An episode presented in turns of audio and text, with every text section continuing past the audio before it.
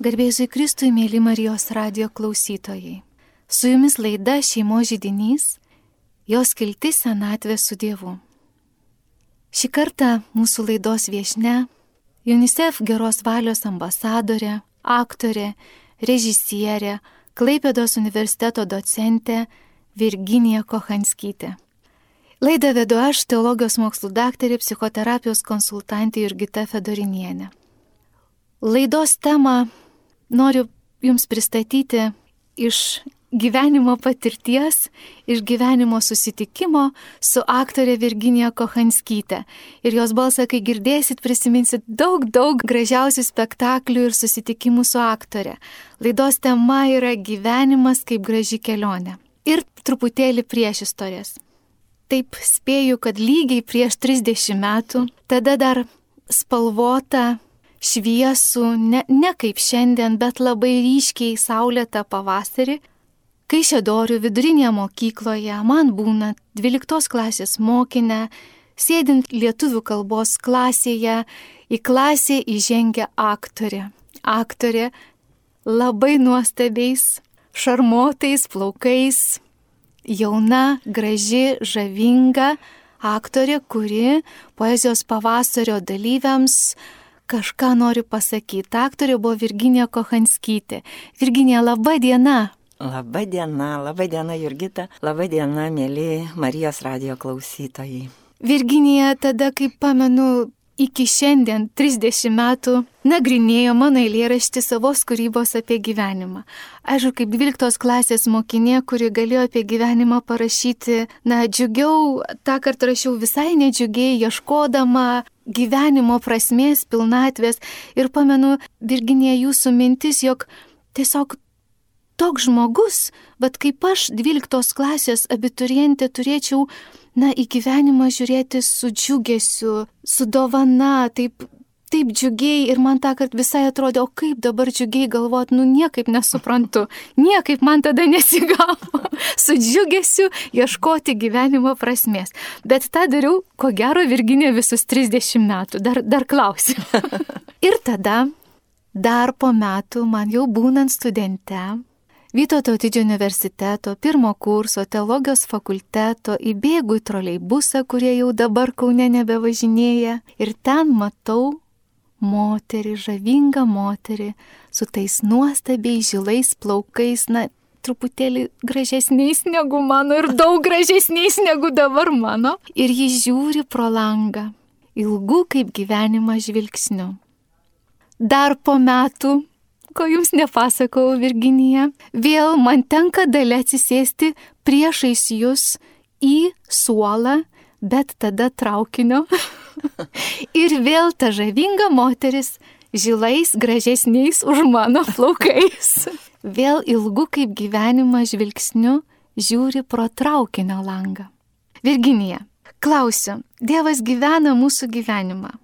Kaip gyvena Dievas kaip gyvenat jūs savo gyvenimą. Prieš laidą kalbėjome apie Monsignoro Kazimiero Vasiliausko jubiliejinius šiuos metus. Ir dabar atėjo štai jo dažnai kartota frazė, kai jo klausdavo, kaip gyveni, jisai sakydavo, stengiuosi šventai, bet neišeina. Arba išeina taip, kaip neišeina. Tų politinių, tragiškų pasaulio įvykių fone, kurie vyksta Europoje netaip toli nuo mūsų, koksgi gali būti atsakymas mums gyvenantiems Lietuvoje? Gerai, einam į darbą, galim apsikabinti savo mylimus žmonės, ramiai užmiegam, atsikeliam su idėjom tai dienai, vakarė skubam į teatrą, biblioteką, klausomės radijo, žinoma, sekame žinias, kaip gėtė įvykiai, baiminamės, kad nepriartėtų prie mūsų, bet pasakyti kokį nors kitą įvardymą ne kaip gerai, tikrai neturime teisės. Gyvenu gerai. Virginija, po tų 30 metų ir savo studijų metų aš vis tiek jūs sutikau per tą mūsų tokį įnoringą Facebooką ir jūs mielai dalinatės su visais, kaip pastebėjau, savo meilę, savo pastabumu, savo artimo meilę. Vat, o kas gyvenimas jums? Vat, vis tiek prabėgo metų, aš jau irgi spėjau pasenti. Virginė, kas gyvenimas jums, koks jisai buvo, žiūrint truputėlį vat, į praeitį, koks jis buvo jums, pilnatviškas, to džiugesio, kurio mokėt, vad tą mokinę dvyliktokė, kuri ten liūdnai ieškojo tą kart gyvenimo prasmės, koks jis jums? Nuostabių, fantastiškų, gyvenimiškų patirčių, gyvenimo, kuriame buvo ir kūryba, scenoje ir kūryba gyvenime patirčių, patirčių, kurios mane turtino, kurios mane augino ir kuo toliau, tuo labiau visos tos patirtis mane įmyli į gyvenimą. Pagrindinė patirtis tai būtent toji, ką jūs ir vardijote, artimo meilės patirtis. Labai ilgėjausi nuostabiai gražių žmonių, kuriuos rasdavau skaitydama knygas. Ir daugybė tų nuostabių žmonių gyvenančių įdomų gyvenimą aš sutikau ir iš jų mokiausi to įdomaus gyvenimo. Esu labai labai laiminga, kad e, turėjau tokią mamą ir nors jį jau iškeliavo, amžino šviesos keliu, ją tebe turiu. Ir mano mama tai ir buvo artimo meilės liūdėjimas gyvenime. Ne tik man ar mano broliui, e, ne tik giminėm, draugam ar draugiam, bet kuriam sutiktam gyvenimo kelyje žmogui. Visada su gėlytė, visada su šokoladuku, ateinanti su geria nuotaika, sakanti gerus žodžius, Iš vaikystės e, prisimenu be jokios abejonės, kada namuose mama nesislapstydavo ar ne, ir būdavo tokia, kokia jinai yra, ir pavargusi, juk fabriko darbininkė ir labai sunku darbą dirbo, ir šešias dienas per savaitę, ir valgyt mum padarydavo, ir mumis pasirūpindavo, bet žinoma, ar ne, ir priguldavo pavargusi ir viską, ir tyli būdavo, ir štai skambutis į duris, ir kažkas ar kaiminė, ar, ar kokia draugė užsuka, ir mano mama atrodo kažkas pakeičia nu nežinau, 120, mama spindinti, mama pilna jėgų, mama pilna gerumo, aš tiesiog visada taip stebėdavausi, nu kaip taip gali atsitikti. Ir dabar, dairydamas atgalios, tai kad tą artimo meilės pamoką, sugebėjimą džiaugtis gyvenimą, branginti kiekvieną sutiktą, branginti kiekvieną akimirką, kaip tau sudėtinga ir kaip tau sunku toje akimirkoje bebūtų, aš gavau visų pirma iš savo mamos, o paskui žinoma iš daugybės nuostabių, puikių žmonių, kuriuos sutikau savo gyvenime. Dabar net pamenu, su jumis kalbėdama prisiminiau, kad jau irgi amžinatelis iš šviesios atminties, dailininkas, kaligrafas, grafikas Algis Kliševičius. Klaipėda ir studentai štai iš jo ima interviu ir aš per radiją girdžiu tą interviu. Jis jau buvo tokiam, ar ne, garbiam amžiui ir jo studentė klausė, o kokia toji gyvenimo prasme, gerbiamas profesoriu? ir profesorius atsako, pats gyvenimas. Gyvenimas ir yra gyvenimo prasme, bet jeigu tu tai suvoki, tai vadinasi viską padarai, kad tas gyvenimas būtų įdomus, turiningas, spalvingas, meilingas, sklydinas e, viso to, apie ką tu svajoji, ką trokšti ir kas tau patinka. Tai ir bus štai tokia ta gyvenimo prasme, kokį susikursi, tokį jį turėsi. O jeigu lauksi, kad tau kažkas iš dangaus nuleis tą gyvenimo prasme, taip gali ir nesulaukti. Virginė, kaip kuriat gyvenimo prasme, nes mus girdės ir jauni, ir seni, ir jaunatviški, ir liūdni, ir prislėgti. Kaip pati kuriat gyvenimo prasme? Dabar tai man turbūt lengva sakyti, nežinau kaip e, turėti svajonių. Visų pirma, turėti svajonių. Ar ne, juk šiaip ar taip, kad svajonės pildosi, tai turim, nu, tūkstantį procentinį paliudijimą. Vinsas Kudirka prieš mirtį du mėnesiai savo geram bičiuliui rašo, gyvenu vienui vienas, neišlipu nei iš lovos, neturiu ne šešėlio lietuvio aplink save. ir esmė visai atskirtas nuo svieto. Taigi, bet jisai svajoja apie laisvą ir nepriklausomą Lietuvą. Negana to, paskutiniaisiais gyvenimo metais, kada įrašo savo draugui šį laišką, sukuria tautišką giesmę kaip pagrindinę būsimos, nepriklausomos ir laisvos Lietuvos giesmę. Nereikėjo šimtmečio. Praėjus 20 metų jo svajonė tampa pasaulio realybė. Lietuva tampa laisva ir nepriklausoma 1918 metai, tai mes juk gyvename. Vinco Kudirko svajonės realybė. Na, galim pasakyti tik tai, na, gaila, kad jis nesulaukė, ne 40 metų išėjo, dar 20 metų galėjo pagyventi, būtų pasidžiaugęs. Bet vis tiek turim paliūdėjimą, kad svajonės pildosi. Bet taip pat turim ir paliudėjimą to, kad na, bent dešimt metelių reikia pasidarbuoti dėl tos svajonės, kaip pasidarbavo Vinsas Kudirka dešimt paskutinių savo gyvenimo metų. Tai štai reikia planuoti. Aš dar prisimenu viena iš mano ar negyvenimo mokytojų ir kūrybos teatro meno mokytojų, aktorinio meistriškumo dėstytoja profesorė Irena Vaišytė. Mums sakydavo, kaip jinai užbaigė dieną, kada jinai atsigula į lovą, aišku, tada jinai negalėjo ištarti tokio žodžio, kad meldžiasi tais laikais, bet kad jinai apmasto visą dieną, kurią jinai pragyveno, ką įgyvendino, ką neįgyvendino. Ir jinai apmasto, ką jinai rytoj turi padaryti. Ryte atsikėlus, jinai dar kartą pagalvoja apie savo e, tos dienos planą ir jį stengiasi įgyvendinti. Tai visų pirma turi būti tas planas, tai ir aš net ir sakau. Tai reiškia, aš svajoju, bet tai galbūt reikia dievulį išdėstyti tą svajonės planą. Tai, nu, dievulis sulaukia tiek daug svajonių, jeigu jos neapibrieštos, ką jisai gali tau padėti. Bet jeigu tu pats įvardinsi visą tai ar ne, tai jisai tau galės padėti. Tai padėk pats savo ir Dievas tau padės. Tai tu keliauk tuo savo planu, savo kelionių, koplytstulpiais nužymėtų keliu ir dievulis tau tada padės. Tai planavimas klausimas be jokios abejonės, jeigu mes žvilgtelėtume į genialių žmonių aprašymus savo gyvenimo dienotvarkės, tai turbūt atrastume ne pas vieną iš jų, kad jie nelaukia įkvėpimo stebuklingos akimirkos. Atsikeldavo ar ne, papustryčiodavo ir atsisėsdavo prie rašomosios mašinėlės, ar suplunksna rankoje, ar dabar prie kompiuterio ir dirba.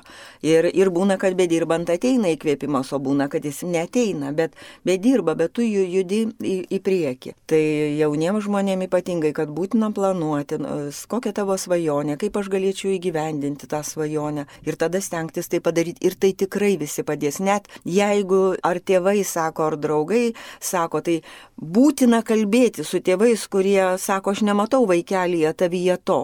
Tai bandyk tėvams suformuluoti, bet padarysi šventą dalyką ne dėl tėvų ir dėl tėvų, bet svarbiausiai dėl savęs. Tu dar kartą perleisi per savo sąmonę, per savo širdį štai tą savoją svajonę, savo norą, argumentuodamas. Ir gali būti, kad tu suabejosi. Ir gali būti, kad tu atsisakysi taip detaliai bandydamas išsianalizuoti, o kaip tik gali būti, tu dar labiau sustiprėsi. Ir manau, tėvai išgirs. Sakys, na, jeigu vaikeli, na, jeigu nori, tai keliauk, aš tau padėsiu.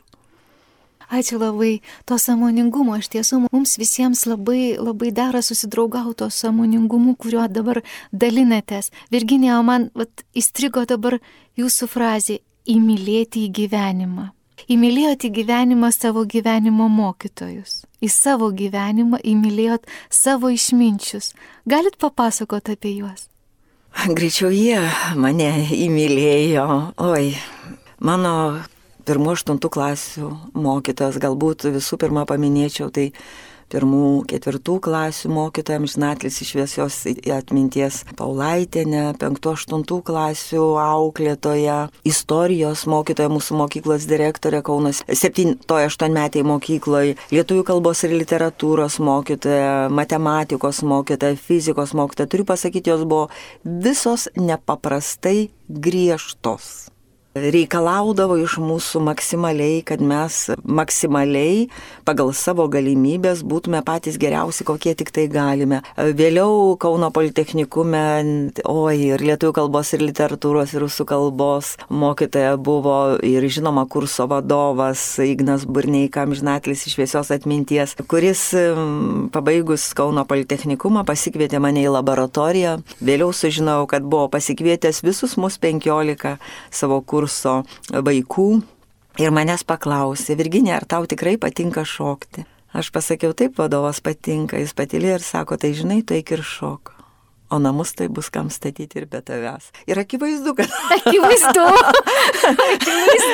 Namų pristatė ir be manęs, bet jis su visais pasikalbėjo. Visi mano kurso draugai baigė aukštasias mokyklas. Nors buvo iš labai labai kuklių šeimų ir galimybės mokytis stacionarę niekam neleido, dirbo darbus, mokėsi vakarinėme arba mokėsi neakivaizdiniu būdu. Kaip jisai augino tas asmenybės, akino profesionalumo siekimą kiekviename iš mūsų ir visi mes išgirdome, kaip tėvas į savo vaikus. Jau paminėjau profesorė Irena Vaišytė, aktorinio meistriškumo dėstytoja, fantastiška scenos kalbos dėstytoja, Stefano Sevičiūtė režisierė ir aktorė, nuostabę teatro istorijos e, dėstytoja e, Irina Konstantinovna Jukova, Malsinė meno istorija dėstė, Vaitkevičiūtė akcentologija. Na tiesiog, žinokit, yra baisu kažko tai nepaminėti, nes, nes visi tikrai nuostabus ir puikiai žmonės. Žinoma, dar toje kelionėje e, už mokyklos, už, už studijų ribų buvo bureliai, išaiško šokių vadovė Kyra Daujotaitė, liaudės šokių kolektyvo vadovas Jurgelevičius Algirdas, literatūrinio teatro režisierius Gedrius Matskevičius, Kauno pantomimas garsiosios vadovas režisierius Modris Tenisonas, režisierė Mara Kimelė, kurią anksti sutikau režisierė Regina Stepanavičiūtė, režisierius Eimuntas Nekrošius, Jonas Vaitkus, Arvidas Lebeliūnas, Gytis Padėgymas, Mara Kimelė. Visų turbūt neįmanoma ir suminėti fotografas Vitas Luskus savo žmonių Tatjana, Oi, Antanas Sutkus, fotografas, Romaldas Požerskis, fotografas, Romaldas Rakauskas. Na, sakau, tiesiog bijau, bijau kažko.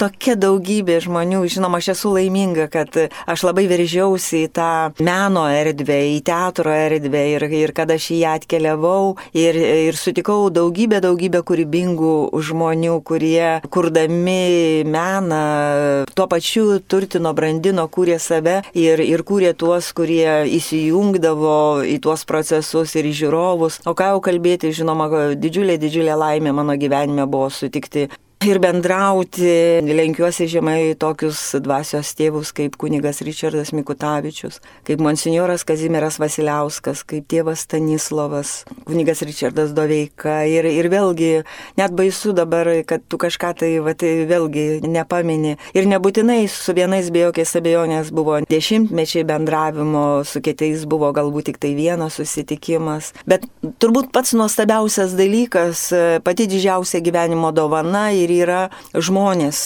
kuriuos tu sutinki gyvenime, pradedant mama, kaip minėjau, mano vyras, Rūnas Sakalauskas, kuris štai mes jau 40 mečiai Keliauju.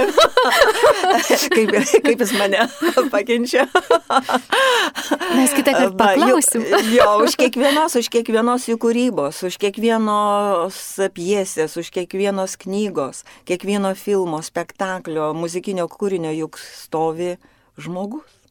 Virginijoje kavom dabar apie tą akivaizdu, kad buvo kas namus statytų ir dabar juos stato, bet į jų žiūrint jūs toks jausmas, Virginija, jeigu galima man pasakyti, man visada būna jausmas, kad jūs šokat gyvenimą. Ir dar apkeičiat kitus. Kaip jums taip išeina? Kaip jums tai išeina? Nes mes irgi kalbėjom prieš laidą apie tai, kad dovanojat ir arba apsidovanojat nuo tų, kurie jūs klauso, žiūrovo. Ir kai užgesta šviesos, kai baigėsi piesė, kai baigėsi eilės, kai išeinat dabar pagal kultūros pasą besidarbuojant iš klasių ir palieka tos dvyliktokus, dabar ketvirtokus gimnazistus, apie ką galvojat, apie ką mėgstat mąstyti, ką mėgstat išgyventi kas su jumis dažniausiai būna jūsų mintise ir dabar jūsų svajonės, jeigu galima taip tiesiai į eterį per visą Lietuvą. Labai ačiū už tą įvaizdį, kuris kuriasi jūsų sąmonė ir, ir manęs pajautoje. Taip tikrai aš labai svajojau būti balerina, bet Kaune nebuvo baleto, ar ne? Studijos reikėjo į Vilnių, Čiurlionė menų gimnaziją važiuoti, bet štai šokau daug metų patiko šokti ir dabar tebe patinka šokti. Su kokiais e, jausmais, su kokio mintimi išeinu. E, gal dėl to, kad nuoširdžiai dalinuosi, nuoširdžiai atsiveriu, tai dialogas būna nuoširdus ir tikras. Ir aš visada iš salės irgi sulaukiu to energetinio atsako, energetinio užtaiso. Ir na tikrai mintim būna, kad tu patyrėjai tą sustoką akimirką žavingą, tą išgyvenimą, to grožio ilgesio, tos palaimos minčių, ar apie tokį autorių, ar to autoriaus poeziją, kūrybą, literatūrą. Ir tu išeini būtent su tuo sustoką akimirką žavinga, tai pilnas geriausių tikrai jausmų, kad dar kurį laiką nepalieka, dar važiuoji, skrendi kaip ant sparnų ir vis mintise dėkoji tiem žmonėm, su kuriais tu tik praleidai tą valandą ar, ar pusantros. O, o paskui tai žinoma nusikreipi į priekį, dar galvoji, ką galėtum, kaip norėtum atgal sugrįžti ir tą dar pristatyti programą ir dar kitą programą pristatyti. Ta, ta kūrybinė bičiulystė, tie štai energetiniai kūrybiniai manai, jie labai dažnai išprovokuoja ir naujas kūrybinės idėjas, ką tu galėtum naujo padaryti ir nusikreipi be jokios abejonės į priekį taip e, štai toje kūrybinėje bičiulystėje, sakytum, provokuojasi, kartais labai konkrečiai sulauki pasiūlymų, nes jeigu patiko tai, ką tu darai, tai ar organizatoriai to renginio tau toj pat sako, arba po kurio laiko skambina, mes čia turim tokį projektą, turim tokią idėją ir jūs norėtumėte įsijungti. Tai štai vienas iš gražiausių gyvenimo momentų ir yra ta kūrybinė bičiulystė, nes kūryba tęsiasi, kūryba tave daro gyvą, kūryba tave daro reikalingą reikalinga pasauliui, tavo žydėjimas, tavo kvėpėjimas, jis reikalingas, jis džiugina kitus, taigi tu tuo ir esi atlygintas. O dėl ko tu čia žydė, jeigu niekas to nesidžiaugia? kaip žavinga, Virginė, kaip žavinga ir, ir tas iš tiesų jūsų gyvenimo žydėjimas, bet pasivoks jūsų žodį. Gyvenimo žydėjimas jis, bet apdovanoja kitus prasme. Ir vis tiek dar gali truputėlį nu, apie tą svajonę. Vat, vis dėlto gyvenime yra dar tikrai ne viena ir ne šimtas turbūt jūsų galvoje svajonių. Tai kokia yra tokia labiausiai trokštama? Gal kaip nukeliauji tokią didesnę dalį tos gyvenimo kelionės, labai geranoriškai žiūri į bet kurią atsiveriančią galimybę, į bet kurią provokaciją, nes tai kaip apvaisinimo momentas, ar ne, kada susitinka e, kažkieno ta idėja ir tavo energija, arba tavo idėja ir, ir organizatorių energija. Ir tada tas kūrybos e, aktas tik tai vyksta ir kūrybos aktas tas ir gali duoti rezultatą. E, labai dar norėčiau tikrai kad, na, dievulis e, tos stiprybės ir sveikatos teiktų ir dar ilgai, ilgai keliauti per Lietuvą, e, džiugindama žmonės ir dalindamasi tuo, kas mane džiugina, į ką aš įsimyliu, kuo aš žaviuosi, kad galėčiau pakelti dvasę. Ar ne, grožis išgelbės pasaulį. Ir juk net ir šitoje Fiodoro Dostojevskio genialaus rašytojo frazė įdėta jo romane idiotas kunigaikščiui Miškinui į lūpas. Tai juk tą akimirką šitų tokių sudėtingų ir tragiškų įvykių fone, kada tu paralyžiuojasi, bet e, išdrysti gyventi, neleisti būti savo nukariautam, tos baimės, paralyžiuojančios tavo gyvenimiškasis ir tavo kūrybinės galės, arba bent jau išdrysi ateisi į spektaklį, į parodos atidarimą, į renginį, galiausiai net ir renkti parodą. Tai pasakykit man, ar tai negrožis gelbėja pasaulį tavyje ir patį pasaulį gelbėja. Nes jeigu šitoje situacijoje visi žmonės susiparalyžiuotų, griūtų kniupšti, tai juk mes ir negalėtume net ir padėti tiems nelaimės ištiktiems žmonėms. Tai mesgi kažkur galių, jėgų turime semtis, kad galėtume padėti tiem, kurie šiandien yra ir tikroje bėdoje.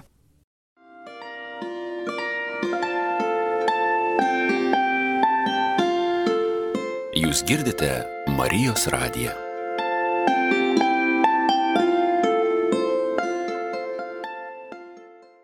Kai nugyveni gyvenimo tarpsnį. Virginė, sutinkat, žmonės, kurie jau ne tik pražilusiais plaukais, bet ir, na, gyvenimo patirties prisisėmė. Kalbu apie senatvę Virginiją. Nes ir laidos skiltis yra senatvė su Dievu.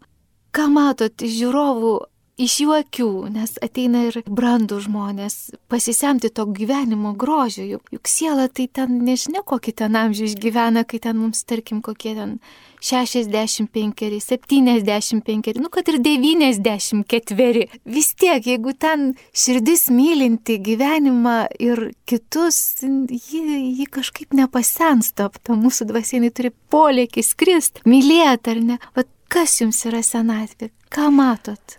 Aš klausiau vieną laidą su garbiu, man regis, dvasios tėvų galbūt.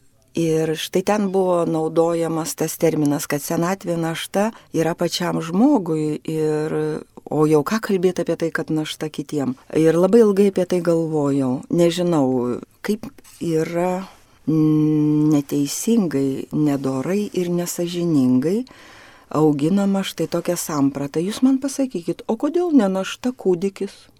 Kodėl jis nenašta? O jūs pasakykit, jis neserga, jo nereikia nešioti ant rankų, nereikia mamai ir tėčiui nemiegoti naktis ir ne vienus metus. Būna ir net ne penkerius metus. Ir paskui, ar ne, tie baisus paauglystės metai, galvos skausmas reiškėsi. Ir kodėl tai nenašta? O kodėl na, mes įvardyjam naštą žmogų nuo kokių 70 ar 80 metų. Tai nedora yra. Visas žmogaus gyvenimas tai yra dovana. Ir jokios čia naštos nėra. Jeigu tavo tėveliai tave supavo, milavo, kankinosi, augino ir brandino, kol tu išėjai ten 18 ar kiek metų iš namų, tai jūs pažiūrėkit, nuo 60 metų jūs pridėkit tuos 18 metų. Kiek bus? 78, nu gerai, dabar jau gydytojų ir pasaulio mokslo dėka pasistumėjo. Tai nuo 70 metų pridėkite tie 18 metų. Tai kiek tau vaikeliai yra, tau yra nuo tuo metu turbūt koks 50, daugiausiai gal net 40 metų. Tai vaikeliai, tai yra džiaugsmas, supuoti, myluoti, bovytis, žiūrėti, važiuoti ir skirti maksimalų laiką tau, nes po tų 18 metų, kaip iškeliaus tavo tėtis ir mama, kur tu nuveši jį? Kada tu su juo pasėdėsi ir pažiūrėkite, koks baisus dalykas yra padarytas, nes tada gaunasi, kad štai tie žmonės, kurie atsisveikina su savo tėveliais ir mamytėm, kokį jie turi šoką, kokias jie turi traumas, nes niekas jų nemokė ir niekas jiem neaiškino nekalė į galvą tų vinių, kad vaikeli, va tai jau kaip tavo mamytė ir tėvelis išeis į pensiją, tai būk brangus. Taip kaip tau jie skiria tiek laiko, tu atiduodi jiem tą laiką. Ir manau, kad tie žmonės, tie, kurie išgirstų šitas pamokas, jie būtų labai nudžiuginti. Ir už tas pamokas jie nepaprastai dėkotų savo mokytojam, nes kada iškeliautų jų tėveliai, jų senoliai, jie būtų pasakę, kad taip, visko paklausiau, viską papasakojau, kaip dar gražiai padraugavau, kiek daug dėmesio skyriau, kiek dar laimės patyriau, nes be jo bejonės gyvenimo kūrybos laikas nuo kokių 25 iki 40 ar net tų 50, tai reikia savo vaikus auginti, darbus užsidirbti, butelį, sodelį, darželį ir visą kitą tvarkytis, bet kai jau tu ant to penkto dešimtmečio, jau kažin ką labai ten dar užsidirbsi. Tai nuo to penkto dešimtmečio galbūt reikėtų vat, tą artimo meilės įstatymą ir įgyvendinti savo gyvenime, bet jis turi būti paaiškintas, jis turi būti į mokyklų vadovėlius įtrauktas, į švietimo sistemą. Reforma, reforma mes kalbam, reiškia apie, apie reformą. Nu, tai pažiūrėkim, kas toj reformoje tada švietimo sistemos yra. Pažiūrėkim, kiek ten pamokos etika, tai jinai nieko nereiškia, vad šeimos sandara, artimo meilės sandara, tai nereikia to į tikybos pamokas numesti. Tikyba yra šeima ir, ir visa kita, bet jeigu vaikas gaus pagrindinius dalykus mokykloje, pirmos, ketvirtos klasės, penktos, aštuntos klasės ar ne dar kartą kažkiek tai pakartos devintos, dvyliktos klasės gimnazijoje, gyvenimo abecėlę, kas tai yra šeima, kas tai yra žmogus šeimoje, kas tai yra santykiai šeimoje, kas tai yra vaikai, kas tai yra vyras arba žmona, kas tai yra tavo tėvai, kas tai yra tavo seneliai, kaip gyventi tą gyvenimą. Šalia padėkime tada, o kur yra kultūra, ah, kaip virkauja kultūros ministerija, ah, kaip baudžia tuos ir neberėmė projektų, jeigu juos, pas juos neteina žiūrovai. O brangučiai kultūros ministerijos žmonės, ar susėdot su švietimo ministerijos žmonėmis prie stalo? Ir kaipgi tą dvasingumą žmogaus auginti, per ką jį auginti? Tai ar tik per tikybos pamokas, kurios ten galbūt pradinėse klasėse yra? O kur yra dailė? O kur yra teatro lankymai? O kur yra muzika, o, o kur yra architektūra ir visa kita, kur yra tas dvasios pasaulio auginimas per kultūrą. Tai ir ypatingai yra lengva nedeklaratyviai pasiekti e, žmogaus tą širdį, žmogaus e, sielą, žmogaus dvasę. Visi dalykai, tie skaičiukai ar ne, juos reikia išmokti. Aš nesakau būtina ir matematika. Matematika šventas mokslas, nes tai yra logika. Jeigu tu išspręsi uždavinį matematikos 2 kart 2 yra lygų 4, tai tai tu išspręsi ir savo gyvenimo uždavinį ir dar savo gyvenimo draugam padėsi išspręsti tą gyvenimo uždavinį. Viso šito reikia, nes tai yra gamtos e, pasaulio sandaros, reiškia pažinimas ir samprata. Bet to lygiai ant pusės turėtų būti būtent dvasingumo, dvasios erdvės auginimas ir plėtimas. Tai tada mes ir kalbėsim, kad gyvenam taikioje bendruomenėje, kuri nori kurti, kuri nori auginti, ne kuri nori skleisti meilę, kuri nori skleisti grožį. Virginija, ačiū labai. Tai taikliai ir taip kaip šauklė. Pašoje, aš labai noriu, kad kai kas, kai kas, kas turi išgirsti, išgirstų. Nes dabar priminėt tokia, va irgi šeimos, mano šeimos mintį. Vat kai aš buvau dvyliktokė, ne, prieš 30 metų. Dieve mano, kaip gražu. Toje Kaišėdorių vidurinėje mokykloje. Ir klausiau jūsų, kai taip gražiai apibūdinot mano eilės. Ir jūs būsit Kaišėdorių dabar Algirdo Brazausko gimnazijoje. Ir mano antroji dukra Elsbieta klausys jūsų, Virginė, gyvenimo dėsniai. O žemė sukasi, ar ne? Tai aš truputėlį atsiminiau apie savo šeimą ir, ir galvoju, vat, kaip dovanai mes dovanai kitiems esam. Apie jūs prieš laidą skambinot savo vyrui. Ten buvo reikalų ir aš girdėjau, kaip mielai su juo kalbėjote. Labai trumpai laidos potėmė yra senatvė su Dievu, bet laidos tema yra šeimos žydinys. Virginija, koks jūsų šeimos žydinys? Kaip jį kūrenat? Pamokykit mus. Gal tai mus visus pamoko gyvenimas kartu, gyventi kartu. Turbūt svarbu yra tai, kad mums abiem patinka daryti tai, ką mes darome. Mano vyras Arūnas Sakalauskas, skulptorius, tikrai pašauktas ir jam visada ir dabar tebėra pats svarbiausias dalykas - menai. Nu, kiek aš prisimenu, ryte atsikelia, išeina į dirbtuvę ir grįžta vėlai vakare ir gali būti ir šeštadienis, ir sekmadienis jis bus dirbtuvėje. Man taip pat patinka tai, ką aš darau. Ar ne, mano vyras sako, tau gali paskambinti vidurį nakties ir tu važiuosi į Zarusus, nes ten reikia mm, dalyvauti kokiam nors renginyje.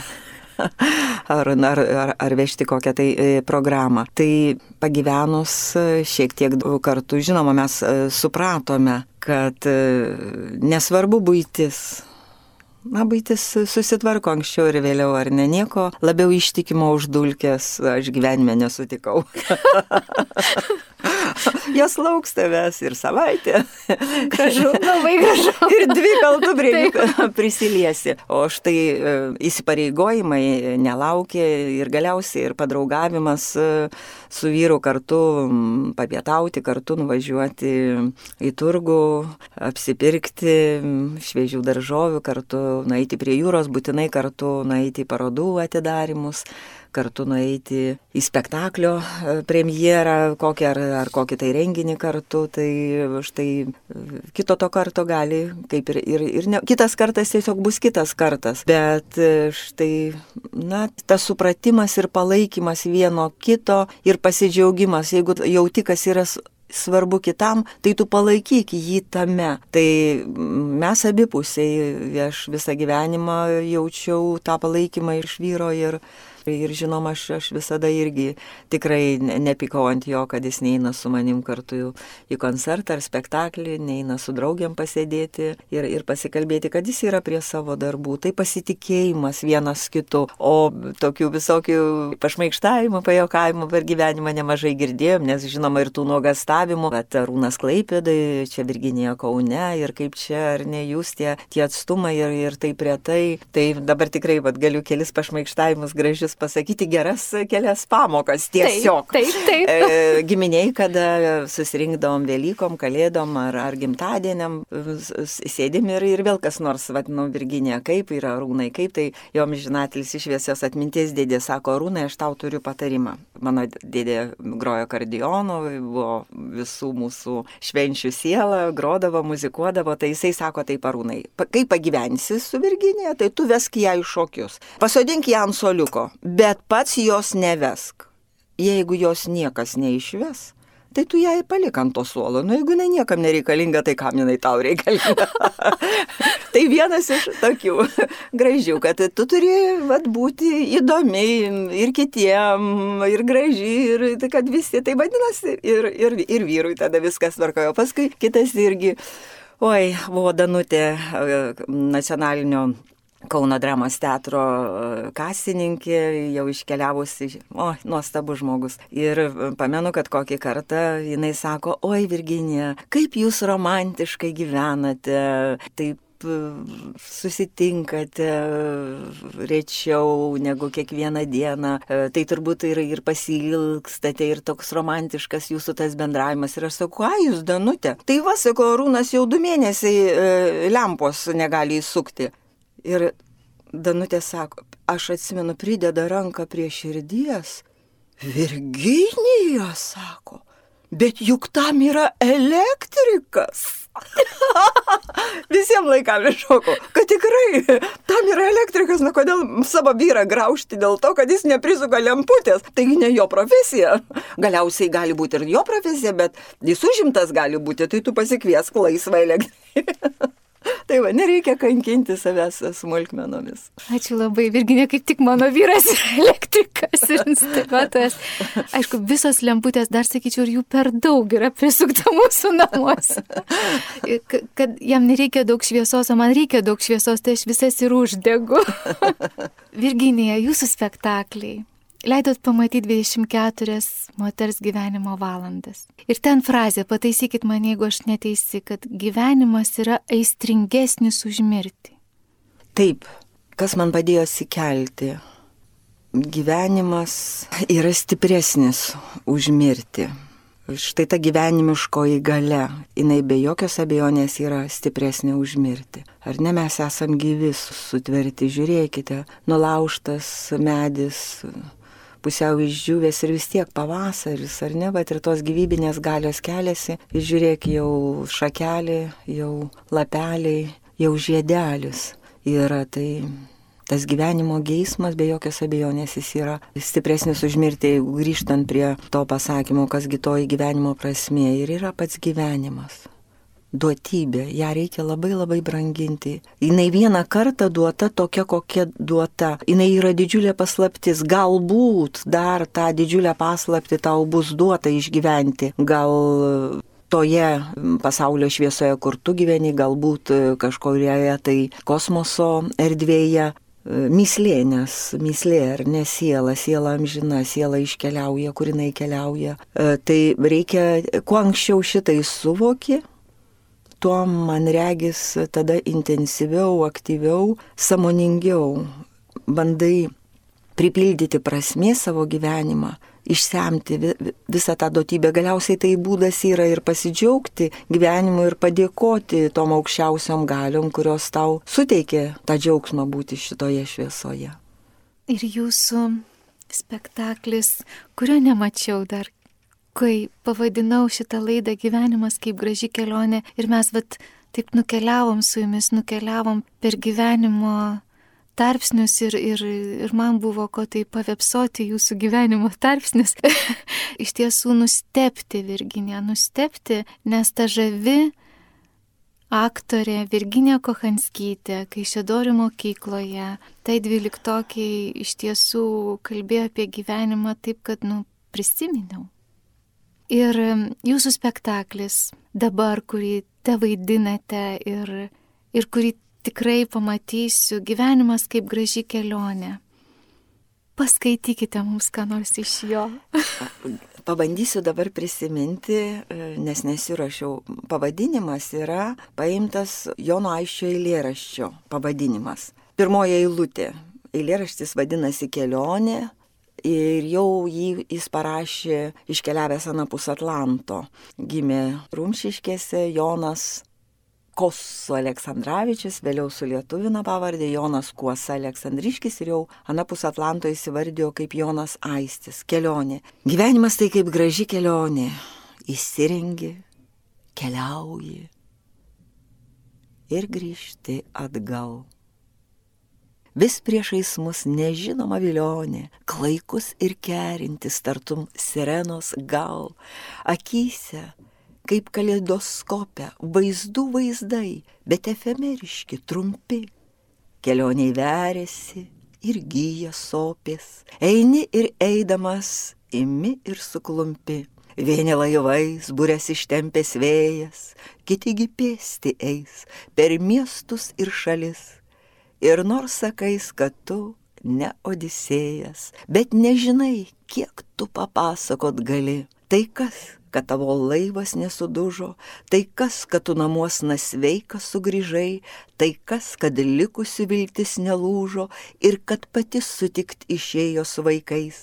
O jei grįžai praūžęs ir praleidęs tėvų turtus, lėbaudamas viešuos namuos, tave sutiks ir džiaugsmas jų jų veidė, viską atleis, viską ranka numos. Jei mylima, kur andai lauk žadėjo, laiminga ir linksma nuėjo su kitu. Tau širdis paus ir jai atneš lyg vėjas, žiedų kvapus nutolstant jūrą nuo krantų.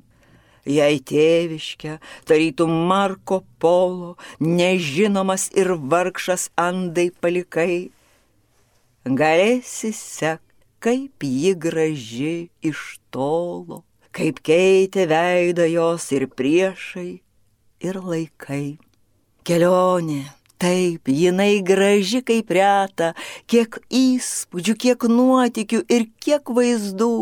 Ir niekas taip giliai nežeis, kaip metai. Negydys niekas taip įsenusių žaizdų. Vis priešais mus nežinoma vilionė, klaikus ir kerintis, tartum sirenos, gal akysegi nežinoma vilionė, eini ir grįžti atgal.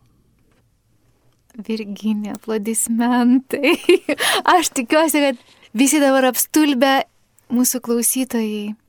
Aš labai dėkoju. Labai dėkoju, kad pasidalinot savo gyvenimu čia, Kaune, senoje Marijos radijo studijoje. Labai dėkoju, kad pasidalinot savo gyvenimu su visais, kurie girdimus. Ir sustok akimirka žavinga, sudė.